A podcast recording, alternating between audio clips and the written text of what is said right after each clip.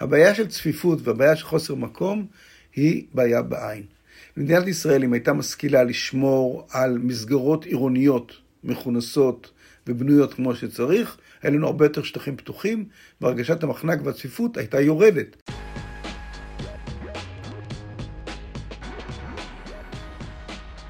האשלג והברום מים המלח, עוד פעם, זה עניין של כמויות, כמה אתה עושה. זה עובד על ייצוא.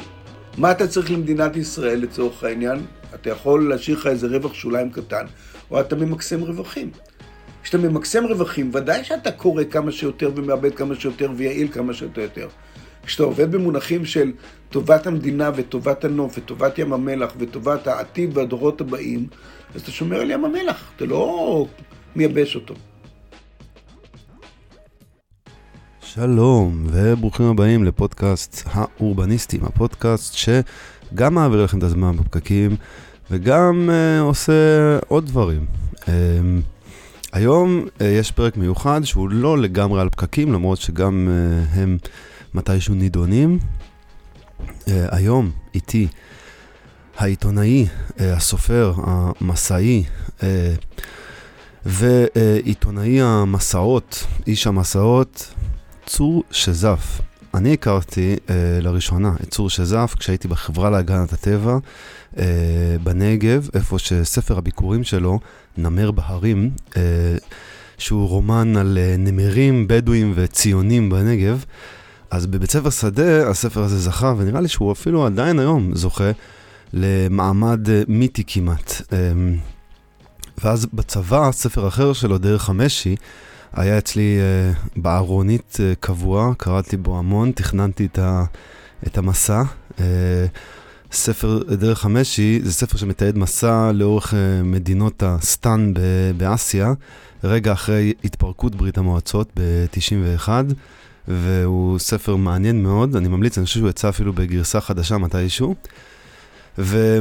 צור שזף uh, בתור עיתונאי uh, מסעות, עיתונאי מלחמות, דיווח למגוון כלי תקשורת uh, בארץ מסומליה, סודאן, מצרים, לוב, אוקראינה, אריתריאה ועוד, ועוד לא מעט מקומות. הוא גם כתב רומנים, כמו אשת הטייס הנעלם, האיש המאושר, סערה עם מקום רגוע בשבילנו, בודה האדום. בשנת 2008 הוא זכה בפרס ראש הממשלה לסופרים עבריים. בשנת 2016 הוא הוציא את ספרו האחרון, אה, אני חושב, דאעש, מסע אל מפתנו של השטן, שבו הוא התחקה אחרי מקורות התנועה הטרוריסטית במדבריות סוריה, טורקיה, עיראק ואפגניסטן. הספר הזה גם אה, היה רב-מכר והצליח לא מעט. היה לי באמת אה, כיף אה, ו- וכבוד גדול אה, לעלות אה, מסיני אה, למצפה רמון. אה, ולהתארח בכרם, שאותו הקים צור לפני אה, עשור, בפאתי מצפה רמון מאחורי בה"ד 1. השיחה שלנו הוקלטה בחדר, ה, בחדר היין בכרם, אחלה אקוסטיקה אני חושב. אה, והיא נסובה סביב uh, הספר שיצא בדיוק לפני uh, 15 שנה, ספר ששייך לסדרת ספרים שמתעדים מסעות בתוך ישראל. הספר נקרא סוף הדרך מותה של מדינה, יצא בשנת 2007, כאשר uh, 2007 המדינה הייתה במצב רוח די פסימי, היה בדיוק האינתיפאדה השנייה, עוד לא ידעו שהיא בעצם נגמרה, היה את מלחמת לבנון השנייה, ש... המדינה יצאה ממנה ברוח מאוד פסימית, והספר משקף במידת מה את הלך הרוח הזה. בספר צור הולך לאורכה ורוחבה של הארץ, מהגליל ועד ים סוף, לים המלח, לכנרת והמוביל הארצי, לתל אביב, לירושלים אה, ועד לאילת. הספר, אה, הספר הוא לאו דווקא ספר מקצועי, והוא באמת נקרא יותר כמו רומן, בגלל זה הוא כנראה תפס הרבה אנשים. אה, וגם בסופו של דבר הוא בלי ספק השפיע על גורמי מקצוע בארץ בדברים שהוא מתעסק איתו. למשל, צור כותב שם על תכנון המים הישראלי שלקח מים מהכנרת והזניח את האקוויפרים, את המאגרים התת-קרקעיים בחוף ובהר. היום אה, ישנם יותר ויותר הנחיות לחלחול מים בבנייה חדשה, יש תוכניות אגניות שעושים לנחלים. פתאום היום מבינים את זה שכן, שצריך להסתכל על, אה, על, אה, על איך הנחלים זורמים ואיך המים מחלחלים. הספר מתעסק עם... אה, אני חושב אולי לראשונה מתחיל להעלות את הנושא של תוצאות ההפרטה וגדילת מעמד הטייקונים, מושג שעוד לא הופיע אז יום יום בדה מרקר, ונזכיר שזה ארבע שנים לפני המהפכה החברתית שתהיה ב-2011 אה, בקיץ עם אה, כל ההפגנות הענקיות. מעניין ששני אלמנטים חשובים בהפרטת משאבי הטבע בישראל עוד לא קרו אז ב-2007 ולכן לא מופיעים בספר, אנחנו נדבר עליהם קצת בשיחה. אחד זה תגליות הגז שהוכרזו רק כמה שנים מאוחר יותר, והשני זה התפלה, מתקן ההתפלה הגדול הראשון בישראל החל לפעול קצת לפני, בקיץ 2005 באשקלון, וההחלטה להגדיל את כמויות ההתפלה בצורה דרמטית תתקבל, ובעצם להסתמך על התפלה למשק המים הישראלי, תתקבל שנה אחרי שהספר יצא בקיץ 2008.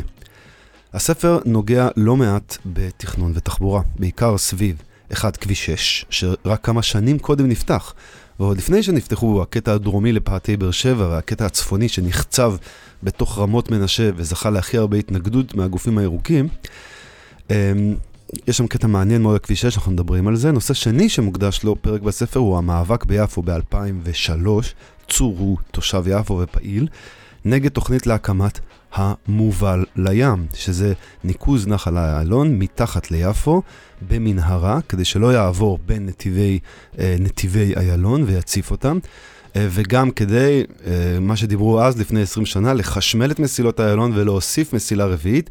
מעניין שהרעיון הזה נזנח לגמרי בזמנו, נשכח, ועד שלא התחילה, שלא שמו לב פתאום לקטסטרופה התחבורתית שמצאנו את עצמנו בקורונה, אז uh, פתאום התחילו לדבר עליו שוב, ולמיטב ידיעתי, הרעיון הזה של לנקז את המים של איילון לחוף יפו עדיין נבדק, יש עם זה כל מיני בעיות. אנחנו נדבר על הרעיון הזה כרעיון.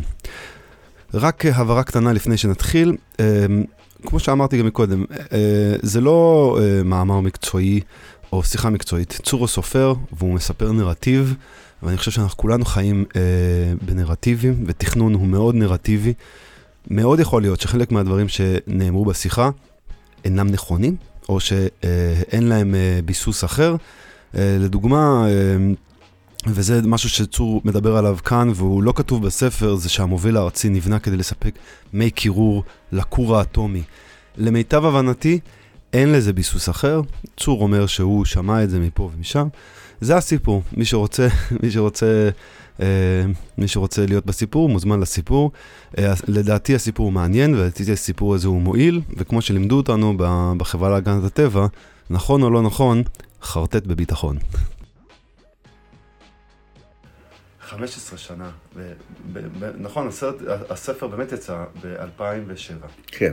וגם הספר יצא בדיוק אחרי אה, מלחמת לבנון השנייה. Mm-hmm.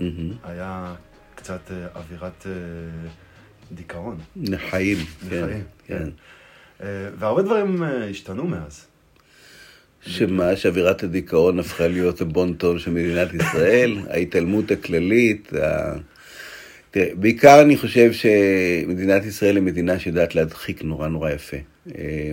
ואנשים, מה שהתחיל שנראה היה שמתחיל לפחות, אה, זה עניין של חברה אזרחית.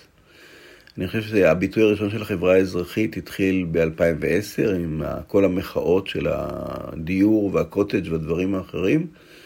זה כאילו הלך והתפתח, וזה במקביל היה גם בעולם, יחד עם האביב הערבי ומחאות בכל מיני מקומות. אה, ואני חושב שהעידן שאנחנו נמצאים בו היום הוא עידן של קונטר אה. זאת אומרת, העידן שבו הכוחות, ה... נקרא להם הקפיטליסטים, אבל יותר התאגידיים, בעצם אה, מצליחים לעשות מניפולציה של כל הדברים האלה.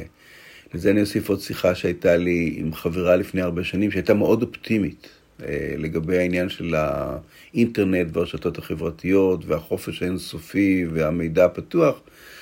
שזה, מה שקרה זה בעצם שהכוחות השמרניים בעצם השתלטו על המערכת הזאת. Mm-hmm. אז הספר הזה בעצם הוא ספר שמבשר מצד אחד את המודעות ואת המהפכה, ומצד שני הוא גם מדבר, הספר אומר שאנחנו בעולם חדש, בעולם שבו התאגידים ביחד עם פוליטיקאים מושחתים אה, או אינטרסנטים הם אלה שיקבעו את העתיד.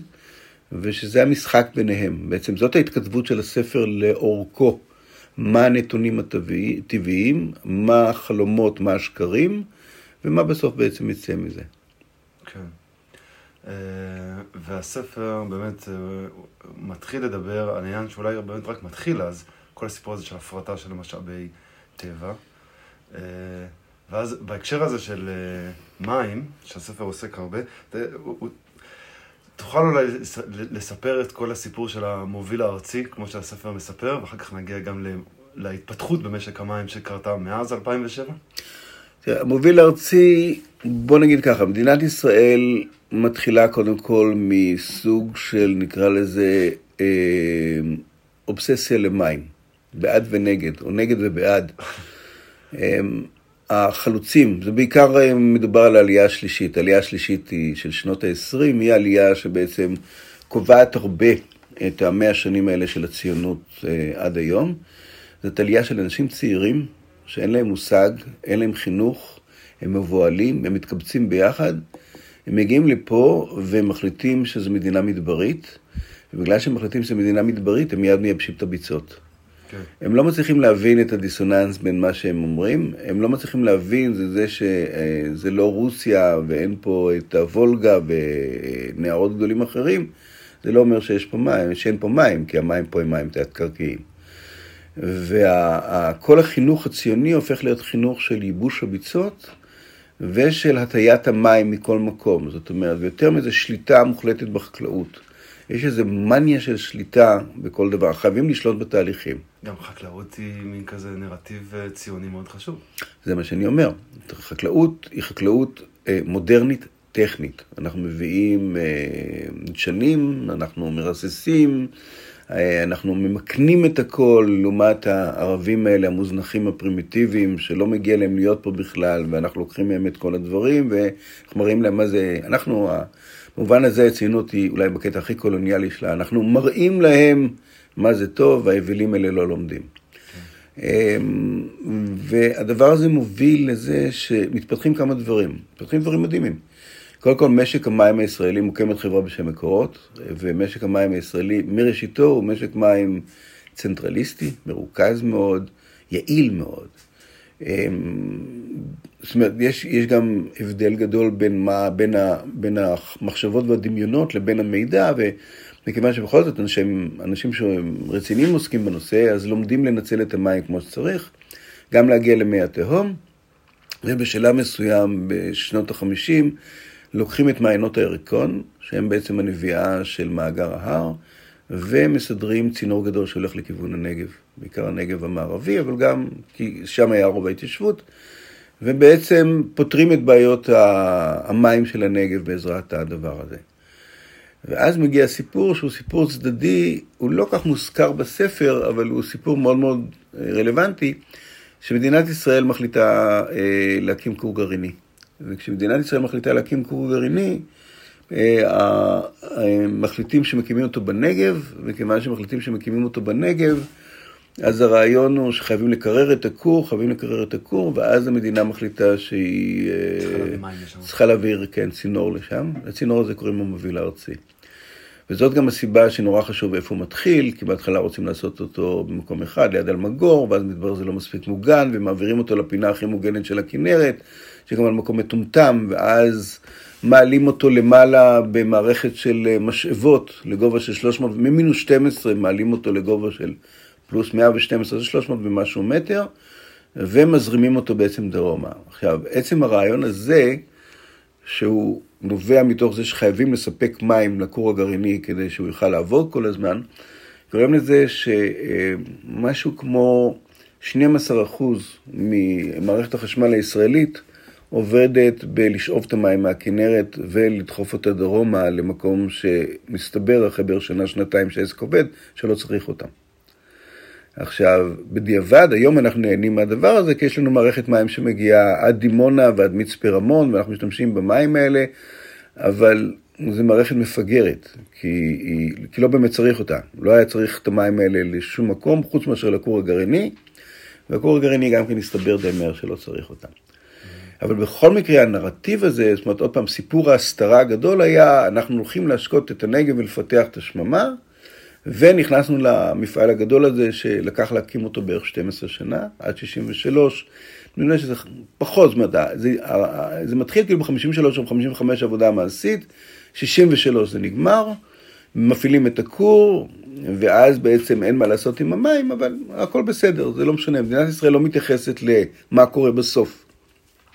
כמו הרבה דברים אחרים, יש איזה רעיון, יש אג'נדה, ומספרים סיפור. זה אחד הדברים גם שהספר דן בהם, זה העניין הזה של הערפל. זאת אומרת, כשאתה מסתכל על מדינת ישראל, היא נראית כמו להסתכל במשקפת לא, לא מפוקסת. הכל נראה ליד. זה לא בדיוק הדבר שהיית רוצה להיות, זה הדבר שקורה ליד. והסיפור של המוביל הארצי הוא בדיוק הסיפור הזה, הוא סיפור של מפעל כביר, שמדינת ישראל הייתה מעורבת בו, שעלה חלק גדול מהתקציב הישראלי, ועלה אחרי זה בשימוש בחשמל עוד חלק גדול מהתקציב הישראלי. זאת אומרת, אם אתה מכפיל את השנים, את ה-12 שנה שזה עובד, יותר מ-12 שנה, מ-63 עד 80, 17 שנה, עד שמשק החשמל גדל כדי שהאחוזים ירדו. אתה משתמש במשהו כמו 10% או 12% ממשק החשמל, זה אומר שהשתמשת בערך בשלוש שנות חשמל בשביל להעביר מים שלא צריך ממקום למקום. כן. אז, זה, אז... זה קצת סותר את העניין, אתה חושב שהמערכת הייתה יעילה. המערכת הייתה מאוד יעילה. מאוד יעילה מבחינת עבודה, זה לא משנה, תראה, גם, גם הצבא יכול להיות מאוד יעיל, כן, או גם נורא לא, בזבזני. לא לכיוון הנכון. אבל זה אותו דבר. כן. עכשיו, החשיבות הגדולה של המוביל הארצי זה לא בזה שהוא מוביל מים מהכנרת, אלא בזה שהוא רישת את הארץ בצינורות. יש תשתית. תשתית הזאת, אחרי זה יכלת לחבר אותה למה שאתה רוצה. בסופו של דבר היא חוברה להתפלה. אבל כאילו, זה עבר ממקום לא נכון אחד למקום לא נכון אחר, אבל בסופו של דבר זה המפעל הגדול. המפעל הגדול הוא לא המשאבות הגדולות ששואבות שהיום הן שואבות פחות ופחות. היום משתדלים כמה שפחות להפעיל את המוביל הארצי. כן, היום כבר שאנחנו באזור ה-70% מים שפירים מההתפלה.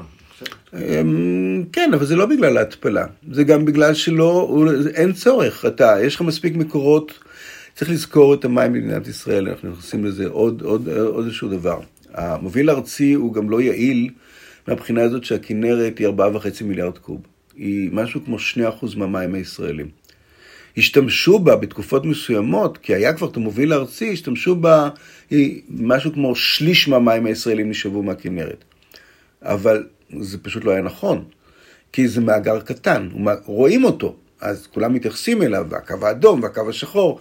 הקו השחור זה רק היה סיפור של, לא, לא, המשאבות של הכנרת לא הגיעו לשם, מה יקרה עם הכור הגרעיני, משם ההיסטריה. לא הייתה שום בעיה של לא של עלייה של אצות, לא של השתנות של המים. על זה אני דיברתי לא מעט עם חוקרים, אמרו זה לא משנה, ירד עוד מטר, יעלה עוד מטר, זה, זה חסר משמעות, זה הכל שייך. היה זה הסכנה של המלאכה, לא? לא, אין שום. הסיפור של המלאכה הוא עוד פעם, הוא סיפור של טעות. כי מתישהו יש מעיינות מלוכים בקרקעית הכנרת ובמקומות אחרים. בשלב מסוים החליטו, היה איזה רעיון, בתקופה שבנו את המוביל, שהחליטו שיקדחו בעצם ויוציאו את המים המלוכים החוצה. אז עשו קידוח בקרקעית הכנרת, שזה בערך חכם כמו בערך לעשות קידוח בכוס שאתה ממלא אותה במים, היא יושבת על אה, קערה עם מים מלוכים, וכמובן שהמעיינות המלוכים התחילו לצאת החוצה לכנרת, ואז כולם נבהלו מהדבר הזה, וזה נסגר מעצמו. ואז החליטו שזה נסגר מעצמו בגלל הלחץ של עמוד המים של הכנרת, אבל אם יורידו את, ה, את, ה, את הכמות של המים בכנרת, פתאום המעיינות המלוכים האלה יפרצו החוצה. כן. זה כמובן לא קרה אף פעם, זה היה עוד פעם סוג של היסטריה ישראלית שלא הייתה מגובה בשום דבר, אבל זה, זה אופייני לכל הפחדים ולזה שאנשים התעסקו גם עם, עם מערכות, ניסו לעשות כל מיני ניסיונות על מערכת. שגם לקחו מאגר מים קטן באופן יחסי, הפכו אותו למאגר מים עיקרי, וגם במקום להתנהג אליו בזהירות, כל הזמן עשו עליו ניסיונות מכל הכיוונים. צריך לזכור שהכנרת נפגעה בעיקר מזה שייבשו את ימת החולה מצפון לה.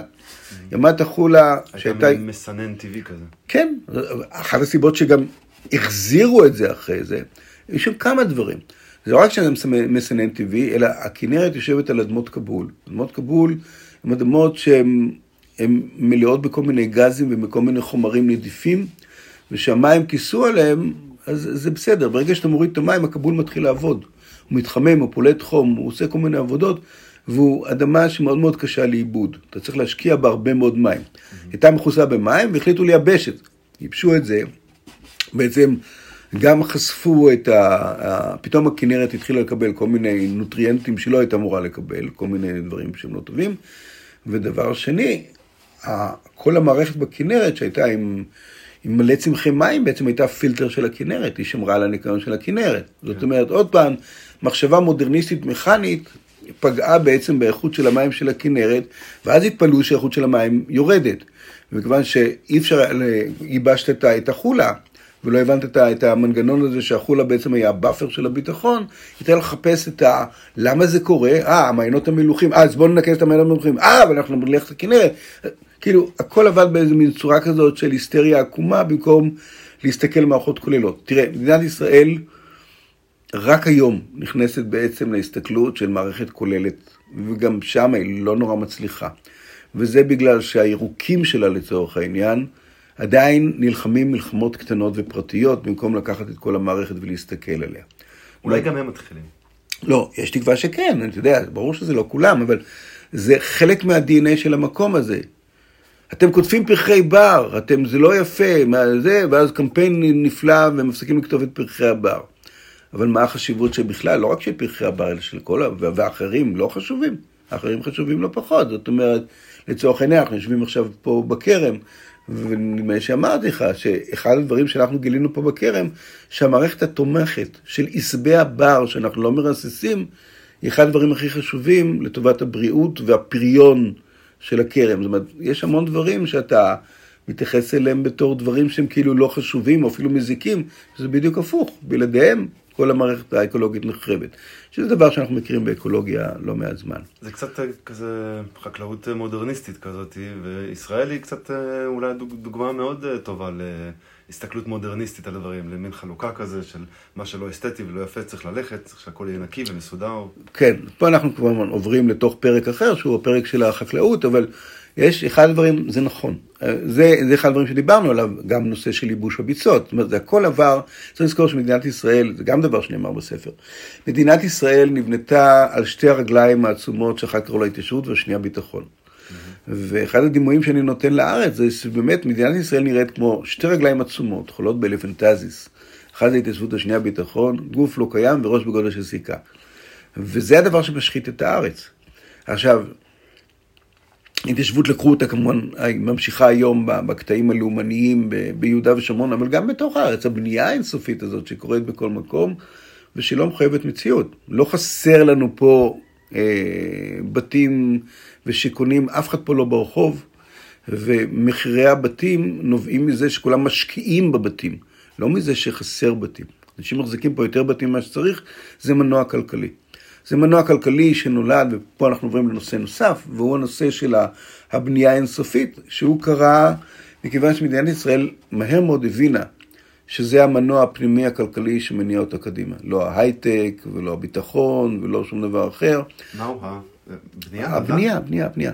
מדינת ישראל גמרה את מלחמת העצמאות ב-1949 עם זה שהיא נכנסה למלחמה עם 650 אלף אנשים, אני מדבר על אזרחים יהודים לצורך העניין, או אזרחים בכלל, וסיימה אותה, ובתוך הארץ נגיד חיו, או בתוך מה שנהיה ישראל, ב, לדעתי כבר ב, באמצע שנות החמישים, כבר הגענו למצב של בערך שניים, שניים וחצי מיליון אנשים. זאת אומרת, הייתה הגירה מסיבית של מיליון וחצי, שני מיליון יהודים שהגיעו מכל הקצוות.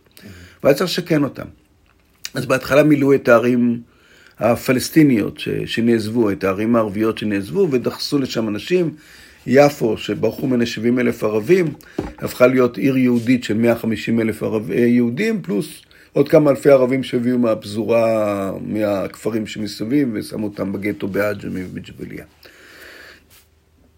עכו אותו דבר, חיפה אותו דבר, אה, בירושלים השכונות שנכבשו אותו דבר. את הכפרים הערביים, מרוב, מרוב, מרוב בהלה ופניקה, הרסו אותם. במקום לשכן בתוכם אנשים, רצו למחוק את כל ההוויה הערבית, ואז הרסו את, ה, את הבתים. כן. אבל המדינה התחילה להיכנס לסוג של מיתון, לא היה, לא היה כסף. ואז פתאום אה, התחילו לבנות לעולים. ברגע שהתחילו לבנות לעולים, זה היה מנוע אה, בעירה פנימי, כי פתאום הייתה עבודה. לכל העולים החדשים בנו את הבתים של עצמם לצורך העניין על ידי המדינה. המדינה הכניסה המון אנשים למערך העבודה, כלים חדשים נקנו מחו"ל, הגיעו תקציבים, הגיעו תרומות, כל העסק הזה בנה את הארץ. ובניין הארץ נמשך פחות או יותר עד ל-61-62, כולם היו מסודרים, כולם היו בתים, כולם... האוכלוסייה התייצבה, וזה נגמר, ואז התחיל המיתון. התחיל מיתון, זה המיתון שהיה ב-60. והמיתון הזה נגמר ב-65, כשספיר ואשכול החליטו שהם הבינו את המנגנון, שמתחילים לבנות מחדש. זה שמלחמת ששת הימים קרתה ב-67 וכולם אה, אה, אה, סיפרו על הזינוק הישראלי בגלל המלחמה וזה, המלחמה תרמה את שלה. אבל מ-65 המיתון נגמר, כי התחיל פה גל של בנייה, אז אנשים לא זוכרים אותו בכלל. וברגע שזה נכנס לתוך ה-DNA הישראלי, שפעמיים הצלחנו לצאת ממיתון בעזרת גל בנייה, זה מה שקרה. כי דרך אגב, אותו דבר שנות ה-80, אחרי זה, אחרי זה פשוט לא נתנו לזה לקרוא, זה לא קרה. כי אחרי מלחמת ששת הימים התחיל גל בנייה מאוד מאוד גדול בירושלים, במקומות אחרים. 77, מה עושה בגין? מה, בגין הוא לא מפאיניק? בגין מכריז על תוכנית בני ביתך. תוכנית בני ביתך מיד מכניסה את המשק הישראלי לזה. אחרי זה בשנות ה-80, 83 צריך לצאת מה, מהמיתון והאינפלציה, עוד פעם גל של בנייה. 90 מגיעים העולים הרוסים, עוד פעם גל בנייה. זאת אומרת... גל הבנייה הכי גדול. לא בטוח שזה הכי גדול. אני, לא, אני לא יודע, אבל אני אומר שוב, מדינת ישראל, וזאת הסיבה שמחירי הדיור כל הזמן עולים, כי זאת ההשקעה הכי טובה, לא בגלל, ולא צריך. יש פה מספיק דירות במקום הזה. צריך לבנות, כי האוכלוסייה גדלה בינתיים פי, כל ה-60 פי... כל מה ש... הכל נכון, נכון. אבל אני אומר שוב, זה לא שייך אחד לשני. זה בערך כמו עם הסיפור של המוביל הארצי. המוביל הארצי לא נבנה בשביל לספק מים לנגב. המוביל הארצי נבנה בשביל לספק מים לכור.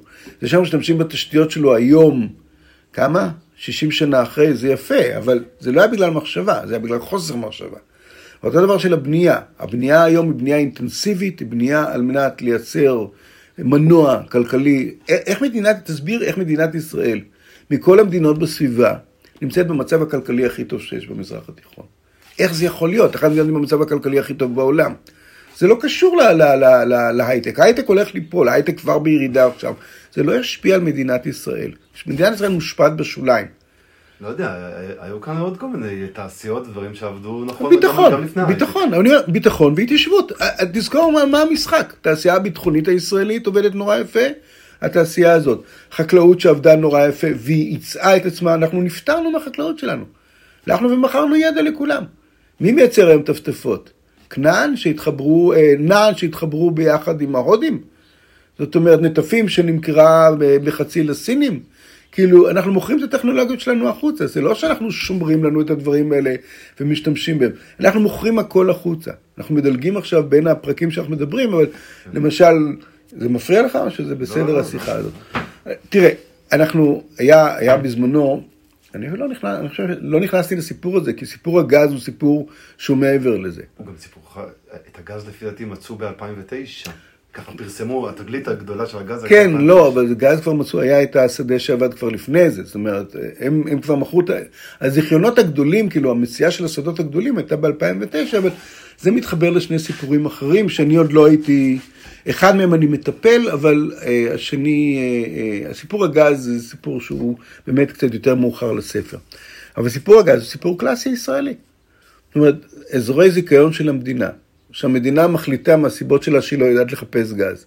זאת אומרת לעצמך, חברים, אתם ידעתם לעשות כור גרעיני, ידעתם אה, לחשמל את כל הארץ הזאת בצורה מדהימה, ידעתם למתוח תשתית מים מדהימה בכל הארץ הזאת, עשיתם מפעלים ענקיים.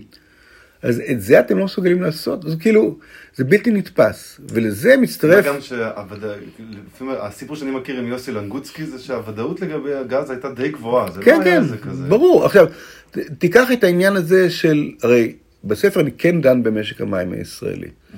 ותכף אנחנו נגיע להתפלה, ומהתפלה אנחנו נגיע לגז. ובסיפור המים הישראלי, עד 1996 הייתה חברה בשם טל, שהיא הייתה חברה ממשלתית, שחקרה את המים ותכננה תוכניות לאיך צריך לנהל את המים בישראל. היא הופרטה. עכשיו, אתה אומר לעצמך, למה הפרטתם את המים? זאת אומרת, למה, למה שגוף פרטי יעשה זה יותר טוב מגוף ציבורי? למה, מתי האינטרס הציבורי הופך להיות בעצם כסף ולא תכנון נכון? עכשיו, זה בעצם הדבר העיקרי שקרה במדינת ישראל, והוא קורה, אני, אני, אני אפילו קשה לי להבין מתי הוא קורה, אני לא מצליח למה, להבין מה הוא קורה.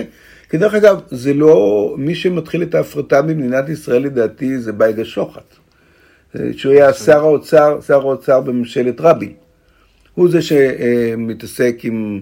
מפעלי ים המלח יכול להיות שנמכרו קצת לפני זה, אבל מי שמתעסק עם המכירה שלהם ומתעסק עם ההפרטות הראשונות, זה החלטות של בייגה שוחט.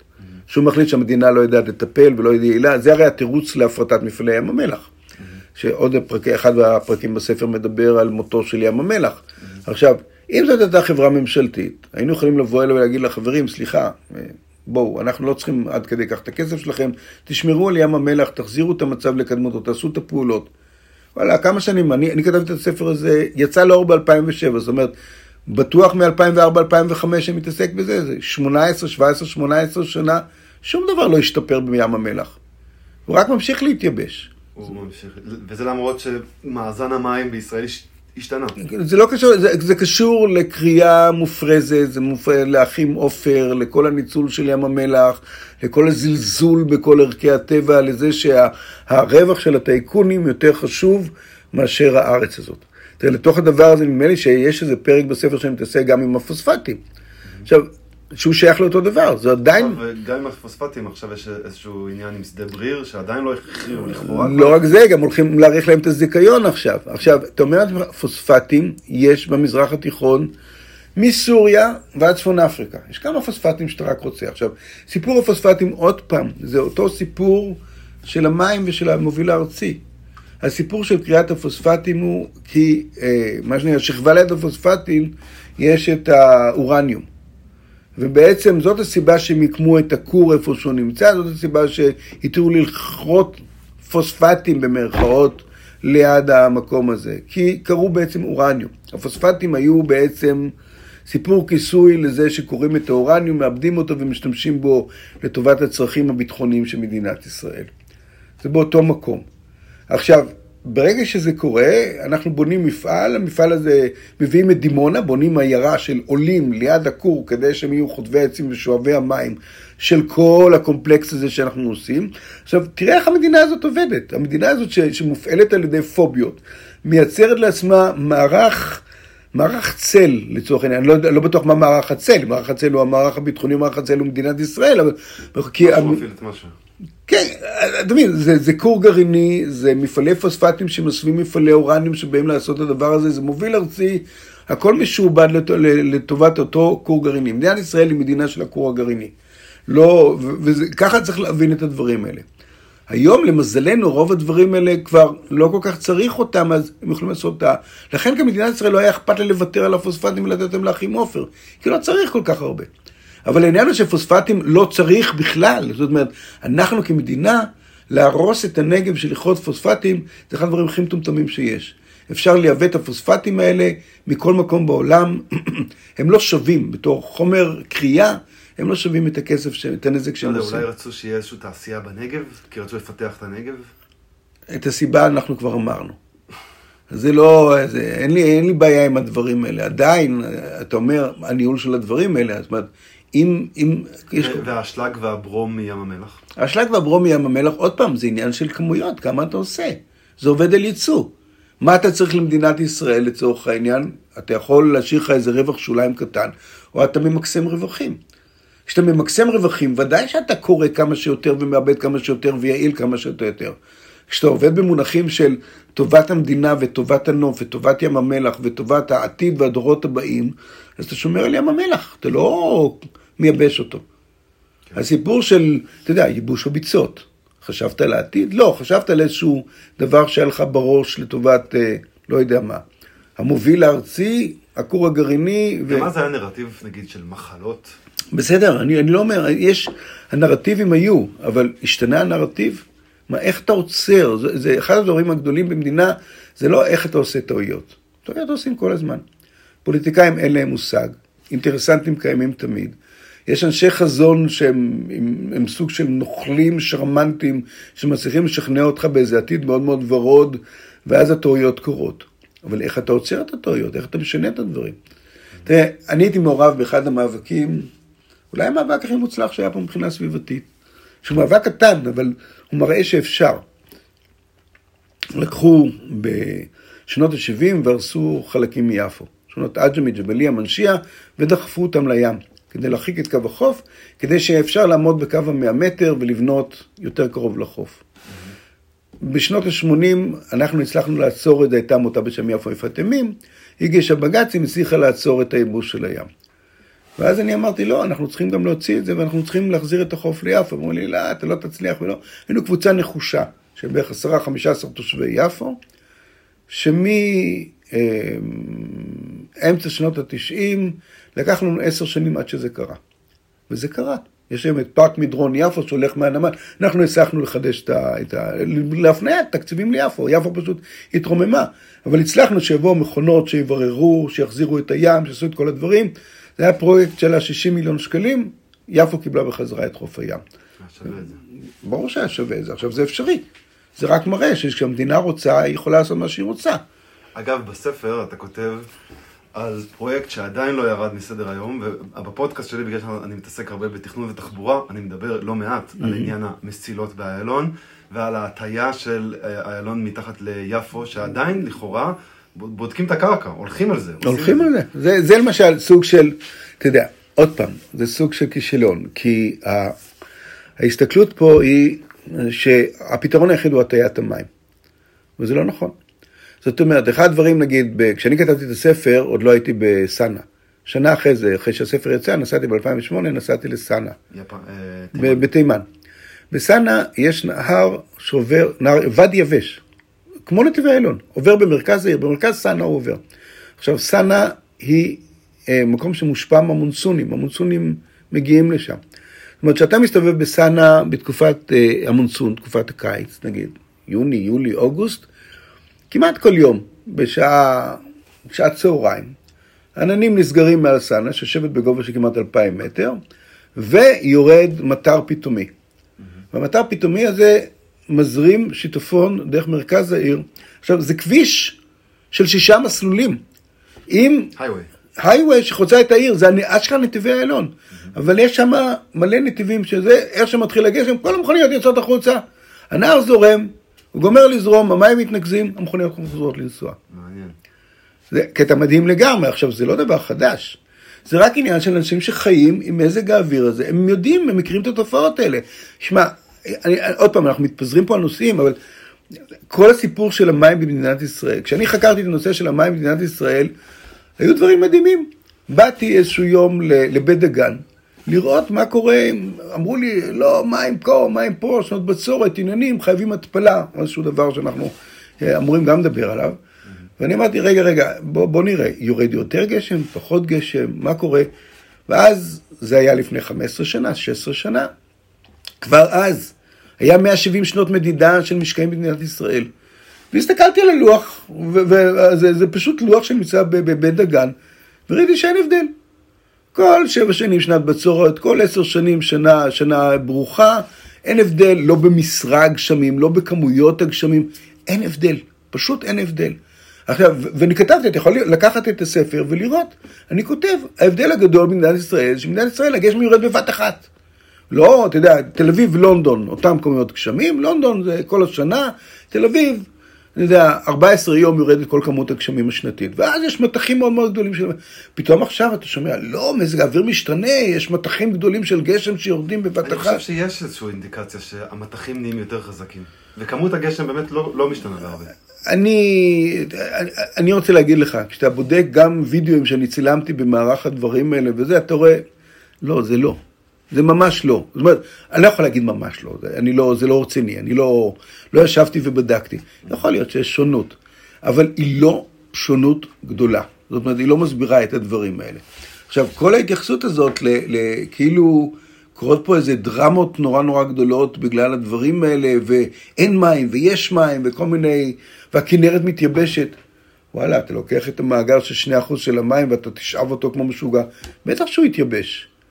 זאת אומרת, זה, זה כמו עם הפוספטים. אבל אז יגידו לך, אה, היו כאן מיליון איש בין הים לירדן, והיום יש, אני חושב, באזור ה-20 מיליון אנחנו איש. לא מתווכחים בכלל על הנושאים האלה. יש, יש בדברים האלה הם דברים שהם אה, אה, לגמרי ברורים.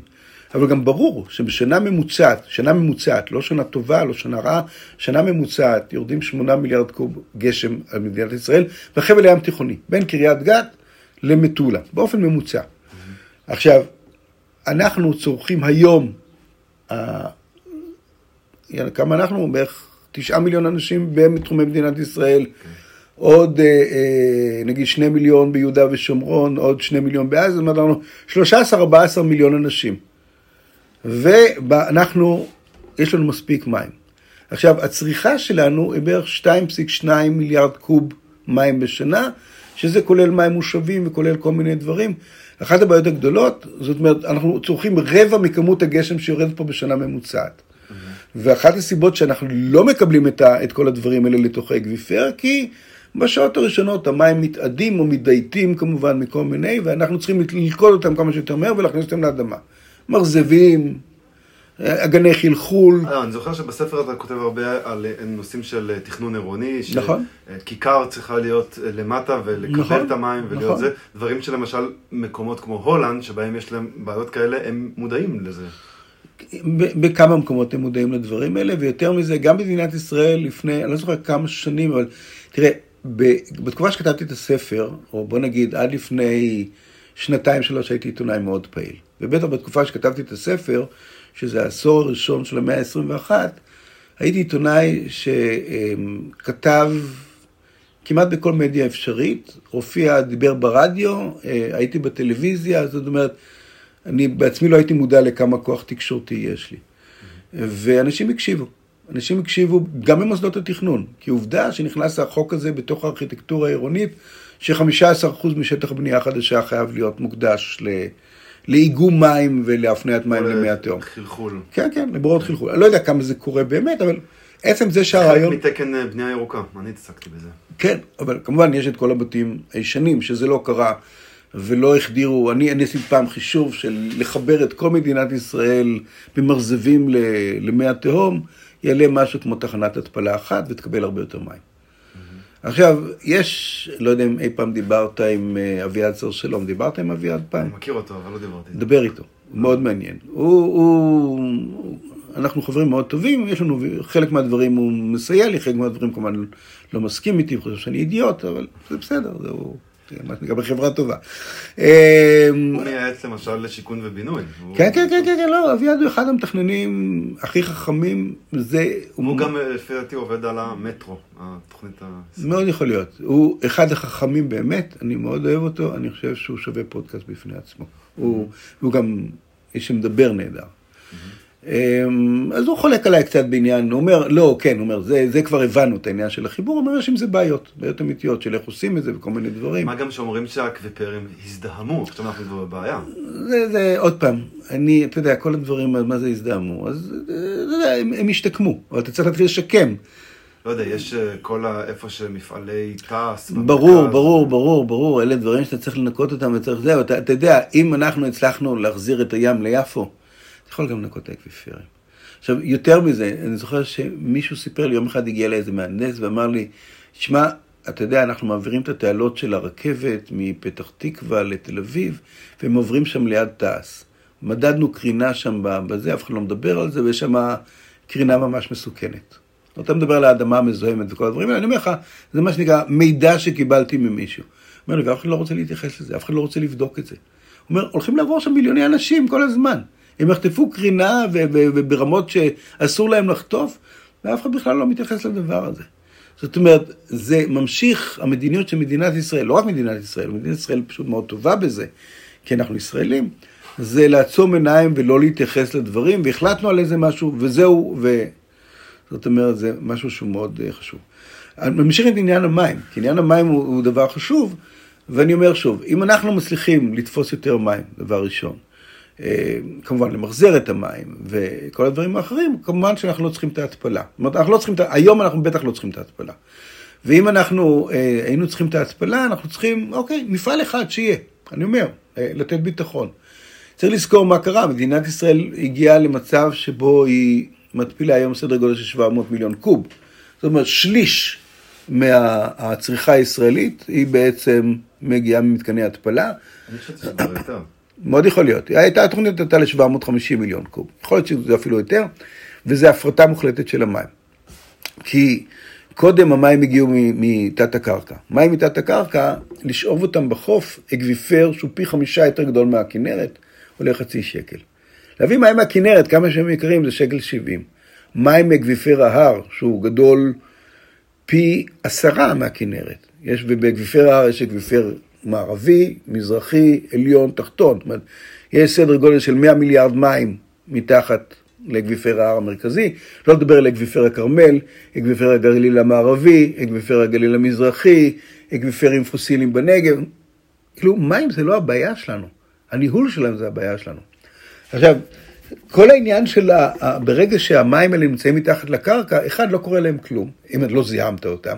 שתיים, להוציא אותם, זה לא כזה יקר. שקל בהר, חצי שקל בחוף, שקל שבעים מהכנרת, שאמרנו שזה אנחנו עושים את זה מסיבות ביטחוניות אה, מטומטמות. התפלה הכי זולה זה שני שקל לקוב, לא משנה מה. זאת אומרת, היא יותר יקרה. לא- ואז גם יש את הסיפור הזה של אנרגיה, שזה צורך המון אנרגיה. צורך אנרגיה, צורך מקום, ובמדינת ישראל מכוסה בטילים, יש פה גם בעיה ביטחונית. כשהמים נמצאים מתחת לאדמה, שיראו טילים עד מחר בבוקר, את מי זה מעניין בכלל? מערך המים של מדינת ישראל מוגן מתחת לאדמה, אתה גם לא יכול לפגוע בו כי הוא כל כך מבוזר. אבל אין איזה עניין שהאקוויפרים כבר ירדו, מעיינות שהיינו מצפים שינבעו הם רק בכל מיני קידוחים? לא, לא, ממש לא, ממש לא. זה ממש, זה העניין של המילוי. זה, זה, אתה יודע, אחד מהקמפיינים הכי מוצלחים של מדינת ישראל ב-2009, נדמה לי 2010, ישראל מתייבשת, כן, כן. התפוררות וכל הדברים האלה. אמרו לך, הכנרת מעולם לא הייתה מצב כזה ולא. סליחה? הכנרת, מאז, אתה יודע, קודם כל בשנה שעשו את זה כמובן היה שקר מוחלט, כי היה רצף, לא רצף שנות בצורת, אלא רצף של שנים טובות. וגם מאז, אני לא זוכר, אתה יודע, בכל השנים, בין 2009 להיום, וואלה, אנחנו כבר 13 שנה? אני לא זוכר שנת בצורת שהייתה פה. הייתה אולי שנה פחותת משקעים, אבל שנת בצורת לא הייתה פה. זה תלוי איפה, היו שנים שבנגב לא היה... עזוב, הנגב הוא לא, הוא לא משתנה במאגר הארצי. מה שמשנה לנו, אנחנו מדברים רק על הים תיכוני. אוקיי? אנחנו יוצאים מתוך נקודת הנחה שהנגב מקבל את המים שלו מהצפון. ושזה אינטרס אמיתי שלנו, וזה כבר ביטחון מזון ודברים שעוד לא דיברתי עליהם בספר, כי לא חשבתי עליהם, גם לא התעסקתי עם חקלאות, וגם לא ממש הבנתי את הדבר הזה, אז ביקיתי את הפרדסים בחוף, והיום אני אומר, למה לא? יש לך את אותם תנאים בנגב המערבי, תעביר את הפרדסים לשם, יש לך שם מים זמינים, יש לך שטח. ודאי שבנגב אני חושב היום ש... הנגב זה שליש ממדינת ישראל. שליש אני אומר, כי אני כולל את יהודה ושומרון בתוך מדינת ישראל. Okay. אוקיי. בגבולות, בגבולות הקו הירוק, הנגב הוא חצי ממדינת ישראל, הוא עשרת אלפים קילומטר רבוע עם חצי מיליון אנשים. מה הבעיה? תראה, אנחנו מצליחים לגדל פה גפנים, אנחנו מצליחים לגדל פה גם את הזיתים, למרות שזה ממש מטומטם ולא לא כלכלי מבחינת מים. אבל אם תיתנו לנו את המים שאתם לא צריכים בצפון במחירים נורמליים, אנחנו נגדל לכם את הכל. בביטחון כלכלי אין בעיה לייצר במדינת ישראל. לא ביטחון של שדות גדולים ושל דברים כאלה, להפך, אנשים כמוני, שכל אחד מקבל 80-100 דונם, מייצר את הדברים שלו ובונה מערכת כלכלית שהיא לגמרי פתוחה, וכל אחד חושב איך לייצר את הדברים האלה כמה שיותר טוב וכמה שיותר בסדר. זה לא בעיה. לייצר ביטחון כלכלי, אני חושב, ביטחון תזונתי במדינת ישראל, זה לגמרי אפשרי, וזה נושא למשל שלא דנתי בו בספר בכלל. אבל זה גם מתחיל, אבל זה מתחיל מהנושא של המים. הרי אחת הסיבות שייבשו את החקלאות בארץ, וזה הדבר הכי נוח. הם שותים לנו את המים, הם עושים לנו ככה, הם עושים לנו ככה, הם עושים לנו ככה. מי החקלאים? החקלאים.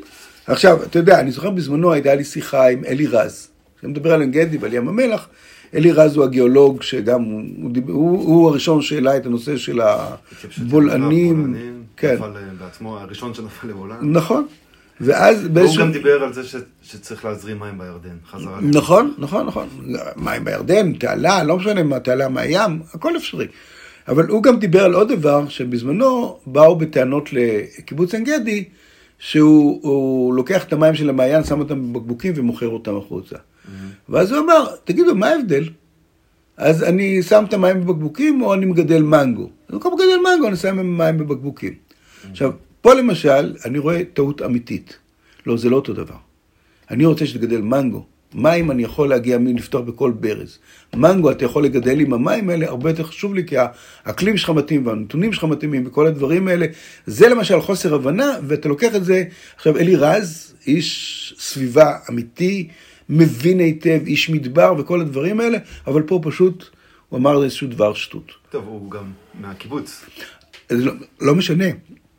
אני לא, לא, לא מתעלם מהצרות של קיבוץ עין גדי ומהרצונות של קיבוץ עין גדי, אבל אני אומר, פה צריך להיות אבל איזשהו שיקול. חברים, צר לנו, אני יודע, זה הרבה יותר פשוט לחבר צינור למכונה ושיצאו בקבוקים ופלסטיק וכל הדברים האלה. בסדר, אבל לא בשביל זה קיבלתם את המים האלה. זה הנימוק האמיתי, לא הנימוק האמיתי. זה שקיבלתם את המים, קיבלתם את המים, אתם צודקים, אתם יכולים להרוויח יותר, פחות עבודה, וזה כן משנה, אבל אם זה יוצא בתוך בקבוק פלסטיק, שיזרקו אותו בתל אביב, ושם יכולים להתחבר לכל ברז ולקבל את המים. והמים במדינת ישראל הם מים באיכות מעולה, בכל מקום, הם מים טובים. זאת אומרת, זה אחד הדברים שהמערכת הציבורית, שעוברת הפרטה כל כך אגרסיבית, עדיין מצליחה לייצר. יש לנו את החשמל הכי טוב בעולם, יש לנו את המים הכי טובים בעולם. ואין סיבה שהחקלאות שלנו לא תהיה החקלאות הכי טובה בעולם, לא רק מבחינה טכנולוגית, אלא מבחינה מעשית. וחלק גדול מהפעולות שקורות, וזה בעצם מה שהספר, הספר יותר מצייר את התהליכים, כמו שאומר יאיר גולן. את, ה, את העניין הזה של בעצם את זה שהמדינה שה, נחרבת בגלל הפרטה, והאיכויות שלה כל הזמן ירדו.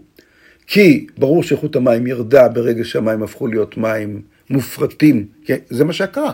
לקחו את המים ממקורות והעבירו את הייצור שלהם לטייקונים פרטיים. זה יכול להיות תשובה, אה, זה יכול להיות האחים עופר, לא משנה מה, והאחים והאנשים האלה יש להם מפעלי התפלה עם תחנות כוח בחצר, והיום הם גם מחוברים לגז. זאת אומרת, הם אימפריות של תשתיות ואנרגיה ו- ו- ו- ומוצרי יסוד שאי אפשר בלעדיהם. מדינה מודרנית, או בכלל מדינה, לא יכולה לקנות בלי מים ובלי חשמל ובלי אנרגיה. זה נגמר, תראה מה קורה בסרי לנקה. עכשיו, כשהדברים האלה הם תחת המדינה, ואתה אומר, יש איזו הבטחה של המדינה ואחריות הדדית, דבר אחד, ומחר בבוקר, מה אכפת לתשובה למכור, כמו שהוא מכר עכשיו, מכר את שדות הגז שלו לחברה אמריקנית. אז זה כבר לא בידיים שלנו בכלל. זאת אומרת, כל הגז, אין, אין דבר כזה בעצם גז ישראלי. זה חברות אמריקאיות שהן עושות מה שהן רוצות. ואז מגיע הסיפור כמובן של החשמל. כמה מכרו, או כמה מוכרים יחידות גז לחברת החשמל. רבאק, שדה ישראלי, תגליות ישראליות. הבטחה, למה אתם מייצאים את זה? אתם רואים עכשיו מה קורה בעולם. אנחנו דיברנו על הדברים האלה לפני עשר שנים ואמרנו, אתם לא יכולים למכור את זה. זה הבטחת הגז שלנו, לא משנה. אבל תראה, עכשיו הם רק רוצים, הם אומרים, המחיר גבוה בעולם, בוא נמכור עוד יותר. נו, זה בדיוק חלק מהעניין. העניין של מה יותר חשוב. זאת אומרת, האם אני בונה על מנת להחזיק את השוק וכל הזמן שאנשים יעשו כסף, כי זה המנוע העיקרי, כי אתה משקיע בארץ, אתה משקיע בנדלן, ואתה לא משקיע בדברים אחרים. זאת אומרת, אתה צריך להבין, יש שתי השקעות בארץ שהן השקעות חשובות וזמינות. להשקיע בנדלן ולהשקיע בהייטק. הייטק לא בטוח, הנדלן מאוד בטוח. זאת הסיבה שמשקיעים בנדלן כל הזמן. בטח שאני רוצה למכור את זה לחו"ל, אבל זה האחריות של המדינה, זה בדיוק ההבדל. המדינה אמורה להיות הרגולטור ולהגיד, סליחה חברים, 30 שנה הקרובות, עד שיהיה לנו פתרונות אחרים, מהמאגרים האלה הם שלנו. אנחנו, לא מעניין אותנו שום דבר. זה האחריות שלי כלפי הציבור. מה גם שכמות הגז בישראל אה, אמורה להחזיק בערך עד 2050. כן, אבל זה, זה לא רק זה, אתה יודע, אנשי גז, שאתה מדבר איתם, מדברים, אומרים, תראו, הגז שיש לנו היום במאגרים האלה זה נחמד, אבל הגז החשוב בכמויות האינסופיות זה גז שהוא כלוא בעצם מתחת במים הקרים. ששם יש כמויות אדירות של גז, ומעצמות העתיד הן בעצם, כרגיל רוסיה, אבל גם ארה"ב וגם יפן, וכל מי שיש לו באזורים האלה של המים הקרים, שם יש את, ה, את הגז של העתיד. אם נמשיך לעבוד עם גז ולא עם דברים אחרים וזה. זאת אומרת שכל מה שקורה פה זה עניין, רוצים למכור את זה מהר בגלל הידיעה, אה, של, כן, שהמחיר הולך לרדת, לעשות בוננזה עכשיו, כי מחר הגז מכוחו יגיע בכמויות מאוד מאוד גדולות. או שלא יצטרכו נכון, נכון, ברור. ולכן אנשים אומרים, לא, אני לא מעניין את הביטחון שלכם, אני רוצה לעשות כסף. עכשיו, זה, גם אם את, זה קרה שילוב של התפלה מיותרת. שסתם, אנחנו עכשיו משלמים, השתמשו גם בהתפלה הזאת בשביל להגיד, לא, זה נורא יקר, והקפיצו את מחירי המים פי חמישה. זאת אומרת, והוסיפו להם מע"מ. זאת אומרת, המדינה עושה כסף, המדינה מבטחת את עצמה על חשבון האזרחים. אנחנו מקבלים, לא, אתם חייבים לשתות, נכון? תשלמו 17 אחוז, לא משנה. העלינו לך את המחיר כדי שהטייקונים ירוויחו, כדי לייצר עוד ג'ובים למקורבים. זאת אומרת, אנחנו היום בתור אזרחים, שכל מה שאנחנו רוצים זה כוס מים. אנחנו משלמים את הפקידים בחברות המופרטות, אנחנו משלמים את ההתפלה לטייקונים, ואנחנו משלמים עוד 17 אחוז מע"מ בשביל להחזיק את כל חברי הכנסת ואחרים. זאת אומרת, אנחנו הפכנו מאנשים שקונים כוס או קוב מים, שזה אלף ליטר, בשני שקלים, זה מה שזה עלה לנו, שניים, שלושה שקלים, יש לחשוב כמה זה, שלוש אגורות, או פחות, 0.03 אגורות לכוס מים, או לליטר מים, והיום אנחנו משלמים על זה פי חמישה. זה נשמע מעט, אבל זה המון. וההמון הזה, כשאתה מכפיל את זה בעשרה מיליון אנשים, אתה מקבל את ההכנסות האמיתיות של הגופים האלה. חלק מה, אולי הבעיה הייתה, כאילו יש איזה סיפור של נרטיבים, למשל, בישראל יש נרטיב שאני חושב שקיים אה, מאז ומעולם, והוא אפילו עם ההתפלה, אה, בטח בקמפיינים של תחילת שנות האלפיים לגבי חיסכון במים היה קיים, וגם הוא עדיין קיים, זה שישראל אה, מדינה שאין בה מים שצריך, והנרטיבים האלה הם בעייתיים. עוד, עוד נרטיב בעייתי, הסיפור הזה של כביש 6, שאתה מתעסק בו הרבה בספר, וזה מגיע מנרטיב של מדינה צפופה, וצריך לפזר את האוכלוסייה בצורה שווה, שזה גם נרטיב שהוא כאילו, הוא מעוגן בדברים נכונים. המדינה היא יחסית, אנשים פר קילומטר רבוע, יחסית גבוה. למרות שיש מדינות מתקדמות כמו הולנד או קוריאה, שהן לא, לא פחות מאיתנו, אבל הנרטיב הזה גורם לזה שאין לנו כל כך אה, אה, הצטופפות בערים גדולות, ואנחנו כל הזמן מנסים להגדיל יישובים קטנים וזה, ו... אגב, כאן אתה היית, למרות שאתה הרבה פעמים אה, מאוד אה, ביקורתי כלפי אה, ארגונים ירוקים, הארגונים הירוקים היו לגמרי אה, נגד כביש 6. תראה, קודם כל... והיום עושים מהם כאילו הם, כאילו הם טעו בגדול, וכביש 6, איזה הצלחה גדולה זה. זה. תשמע, קודם כל צריך לזכור שהארגון העיקרי שהתאכזבתי ממנו מאוד זה החברה להגנת הטבע. בוא נגיד שאני סקפטי גם לגבי האחרים, אבל בעיקר בגלל חולשתם. וחברה להגנת הטבע זה כמעט הפך להיות אישו פרטי בעניין הזה, כי... הם נלחמים בי על המקום הזה שאני עושה פה, והם לא מבינים את הצרכים. אנחנו, אנחנו יושבים פה בכרם שלך בנגב. כן. והכרם שלי פה בנגב, אנחנו יושבים בעצם בתוך מבנה לא חוקי, ואחת מהסיבות שהמבנה הזה לא חוקי, זה בגלל החברה להגנת הטבע, שהתנגדה מאוד לזה שיהיה פה מחסן ובית שומר, למרות שאי אפשר להפעיל שטח חקלאי בלי בית שומר ובלי מחסן. אמ, ומין התעקשות נקודתית כזאת, אתה יודע, הם, כיוון שהם האחים עופר גדולים עליהם ותשובה גדול עליהם, אז להיכנס בצור של זף זה הבונטון של הדברים האלה, ובזה הם פשוט מזיקים. אז זה ה... פתחת מלחמה נגדם. אה, כן, ברור. זה לגמרי, אין לי, אין לי עם זה בעיה, כי זה טעות. זאת אומרת, המקרה הפרטי שלי במקרה הזה זה מין אה, מקרה פרטי שמראה טעות גדולה, הרבה יותר גדולה. והיא גם מצטרפת לסיפור הנדל"ן הישראלי. זאת אומרת, כביש 6 אינו חורג מטיפול הנדל"ן הישראלי. זאת אומרת, עצם העניין הזה צריך לזכור שכביש 6 נולד מתוך תפיסה, אמ, אני חושב שזה מתחיל, מתחיל בתכנון של אריק שרון, אה, של, הוא קורא לזה תוכנית הכוכבים. לבנות כן. שישה יישובים על הקו הירוק בעצם. ולמשוך לשם אוכלוסייה ישראלית מהמרכז, וככה גם לבצר ולקבוע נוכחות על הגבול. עוד פעם, הייתי שירות בביטחון, ויותר מזה שזה יהיו יישובים של יוצאי הממסד, אנשי כוחות הביטחון ואחרים. וזאת הסיבה שבאמת חלק גדול מהיישובים האלה בעצם הם אה, אקס. אה, כוחות הביטחון הישראלים זה שב"כ וכוחות הביטחון וצבא ואחרים, מודיעין ואחרים, וראש העין, כל השכונות האלה, זה אנשי צבא שקיבלו אה, בתים. בני גנץ גם. למשל, למשל, נכון, כן, כן. אבל גם, ב, אתה יודע, גם במודיעין וגם במקומות אחרים, אה, מכבים, מודיעין, כן. רעות. וגם אני חושב היה איזשהו רעיון, יש את העורף של הארץ, mm-hmm. שהוא ריק מהתיישבות. כן. נוסעים שם עוד אנשים. כן, עכשיו, זה, זה למשל חוסר הבנה מוחלטת. זאת אומרת, הבעיה של צפיפות היא בעיה בעין. היא לא בעיה אמיתית של שטח. זאת אומרת, ולזה אני עוד פעם אקפוץ לפרק אחר, וזה הפרק של הבדואים בנגב. Mm-hmm. אנשים נורא לחוצים מהקטע של הבדואים בנגב וההשתלטות על האדמות וכל הדברים האחרים. רבאק, בנגב יש בערך חצי מיליון אנשים. על פני, אמרנו, עשרת אלפים קילומטר רבוע. 250 300 אלף מהם גרים בבאר שבע. 200 אלף האחרים זה 50 אלף באילת, ונגיד עוד בערך 100 אלף בדואים שמפוזרים. אבל אתם רואים אותם. ואתם רואים את, ה, את השיכונים המכוערים שלהם בכל מקום, כי לא נותנים להם לבנות שום דבר נורמלי, ואז פתאום הבדואים משתלטים על הנגב. זאת אומרת, הבעיה של צפיפות והבעיה של חוסר מקום היא בעיה בעין. מדינת ישראל, אם הייתה משכילה לשמור על מסגרות עירוניות מכונסות ובנויות כמו שצריך, היה לנו הרבה יותר שטחים פתוחים, והרגשת המחנק והצפיפות הייתה יורדת. שלא לדבר על זה, שאם אנשים היו חיים בתוך ערים אה, יותר נכונות, זאת אומרת שחלק גדול מהתנועה המצטופפת, כולל בכביש 6, כביש 6 לא עומד בעומסים. מרחיבים אותו עכשיו. ברור, לא הייתה קורית. זאת אומרת, כביש 6 הוא בעצם סוג של תכנון כושל. עוד פעם, אני השתמשתי כבר בדימוי הזה, מדינת ישראל, אתה מסתכל עליה והיא נראית כמו מדינה שהיא לא בפוקוס. היא בונה את הדברים הלא נכונים במקומות הלא נכונים. עכשיו, אני בשנים הראשונות בתור אקט של מחאה לא השתמשתי בכביש 6.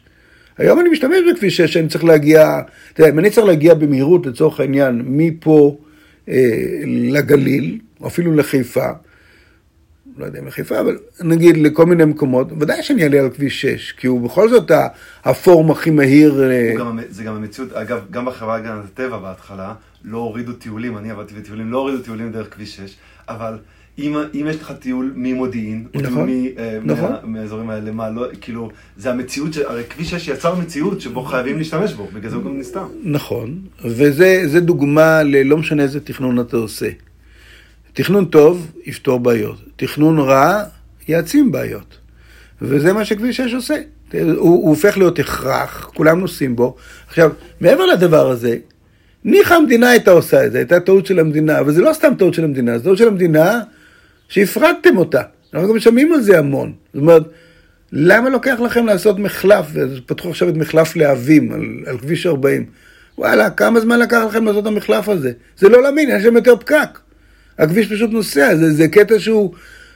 לא, הייתי עומד שם רבע שעה, עשרים דקות שהייתי נוסע צפון, פתאום אין שם פקק יותר. זאת אומרת, אתם, למה אתם משקיעים את כל העוצמה שלכם דווקא בכביש הזה? זאת אומרת, הייתם מסדרים את כביש החוף הרבה לפני זה. את הרכבת, אם הייתם משקיעים את ההשקעות ברכבת וגם בונים את החברה הזאת כמו שצריך, וגם עושים אותה, מתכננים אותה נכון לפני 20 שנה ולא היום, אז ברור שכל, הכל משולב ביחד. כן. ולכן חלק גדול מהמחשבות הישראליות של זבנג וגמרנו, אנחנו נעשה את זה וזה יפתור את כל הבעיות. לא, אין דבר אחד שפותר את כל הבעיות של המדינה.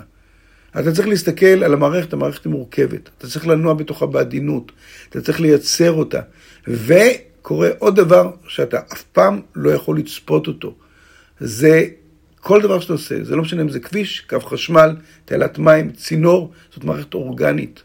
נולדים אליה כל מיני ורידים ונימים שמתחברים אליה ועושים את זה ככה ועושים את זה אחרת, והמערכת בעצם מייצרת איזה משהו שלא תכננת. עכשיו, זה גם תכנון עירוני נכון. תכנון עירוני נכון אומר, אני משאיר רווחים בין הדברים, כדי שדברים יוכלו להתמלא. ברגע שאני מחליט, לא, זה רק ככה, ואני לא עושה, ואסור לסטות ימינה ושמאלה, אתה גורם לאסונות. כדרך אגב, אני חוזר שוב לסיפור של החברה להגנת טבע ואני, ברגע שאתם אומרים, לא, אסור לבנות בשטחים אה, חקלאיים. למה? מאיפה ההחלטה הזאת? לא, כי אחר כך יבנו פה שכונה. סליחה, חברים, אתם לא יכולים לחיות כל הזמן בפחדים ולהגיד, רק פה יהיו השכונות, אבל בעצם אתם מייצרים מצב שבו הכל קיבעון. דווקא מבחינת תכנון, ואני פעם דיברתי בפודקאסט עם מישהו מהמחלקת תכנון של חברה הטבע, אני חושב שהם מדברים בסך הכל אה, מאוד לעניין. פה למשל במצפה רמון, אני פעם נחשפתי לתוכניות שהם רוצים, הם החליטו שיהיו כאן אה, מגרשים של, כאילו שהם ימשכו אוכלוסייה חזקה עם מגרשים של דונם שהם ימכרו בכלל בצד השני של כביש 40, לא ליד העיר, כדי שגם לא יהיה מחובר לעיר, שלא יהיה כאילו אסוציאציה כן, עם כן. העיר.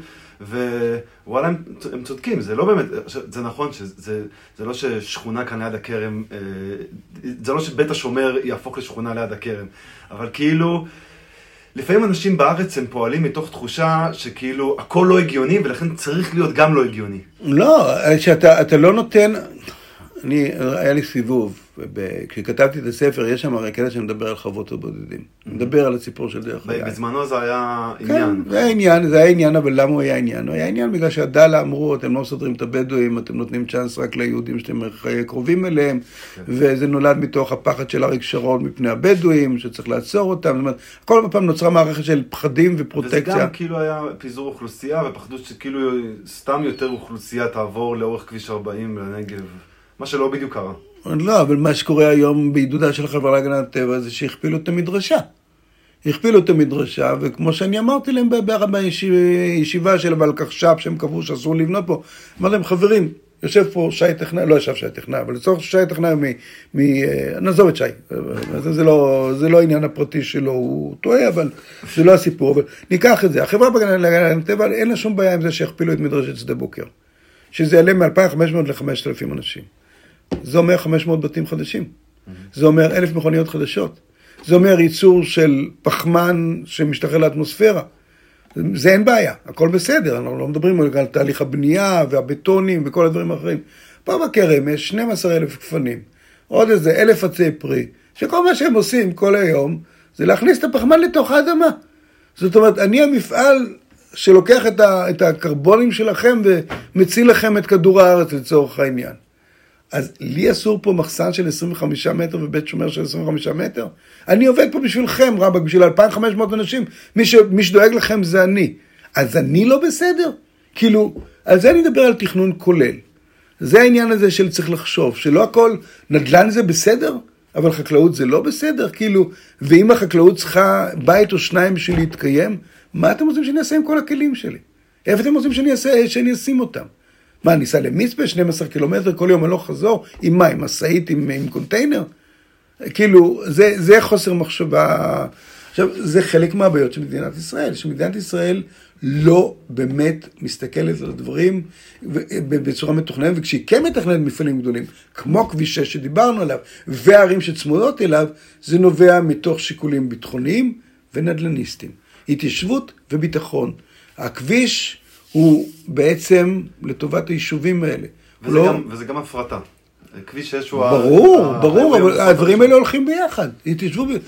תשמע, מאיר שלו רומן רוסי, ספר שבספרות העברית הוא בעצם מספר את סיפור איך אני לוקח חקלאות ומפריט אותה לנדל"ן. עושה את הדברים האלה.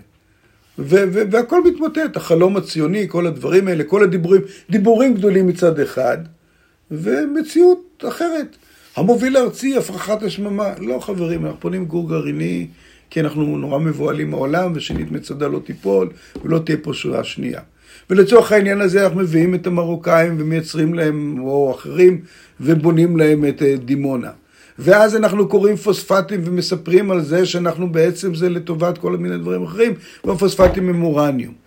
ואחרי זה אנחנו מייבשים את ים המלח ולוקחים את החברה הממשלתית שהייתה שמה דיבידנד של, לא יודע מה, 100 מיליון דולר כל שנה, ומוכרים אותה, אה, זה לא הגיע ישר לאחים עופר, זה הגיע בהתחלה למישהו אחר, אני לא זוכר את שמו, ומשם זה הגיע לאחים עופר, אבל הפרטנו את ים המלח ולקחנו אותו. זאת אומרת, אנחנו לוקחים את הנכסים האלה שאמורים לשמש בתור להגן עלינו, לבנות אותנו, לייצר לנו, ואנחנו פשוט נותנים אותם לאנשים אחרים. האנשים האחרים האלה מחרבים את המדינה לטובת רווח כלכלי. וזה זה בעצם התהליך שקורה במדינת ישראל, ואנחנו עדיין לא מצליחים לעצור אותו.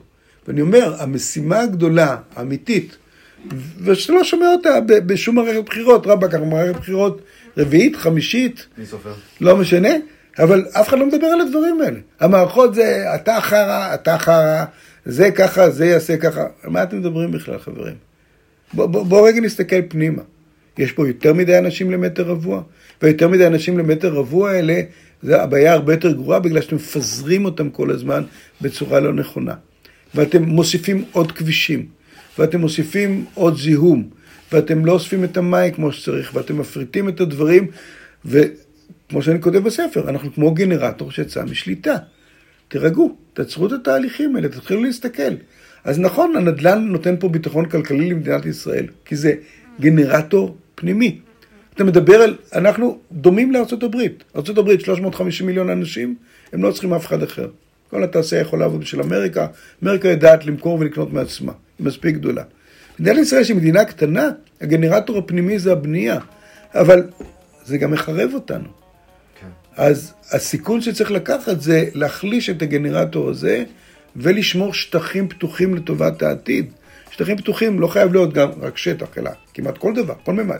מים, אנרגיה, ביטחון תזונתי, וכמובן, מקום, כמו שאדוארד דבי אומר, מקום שכל בן אדם יוכל ללכת אליו ולצאת מדעתו בשלווה.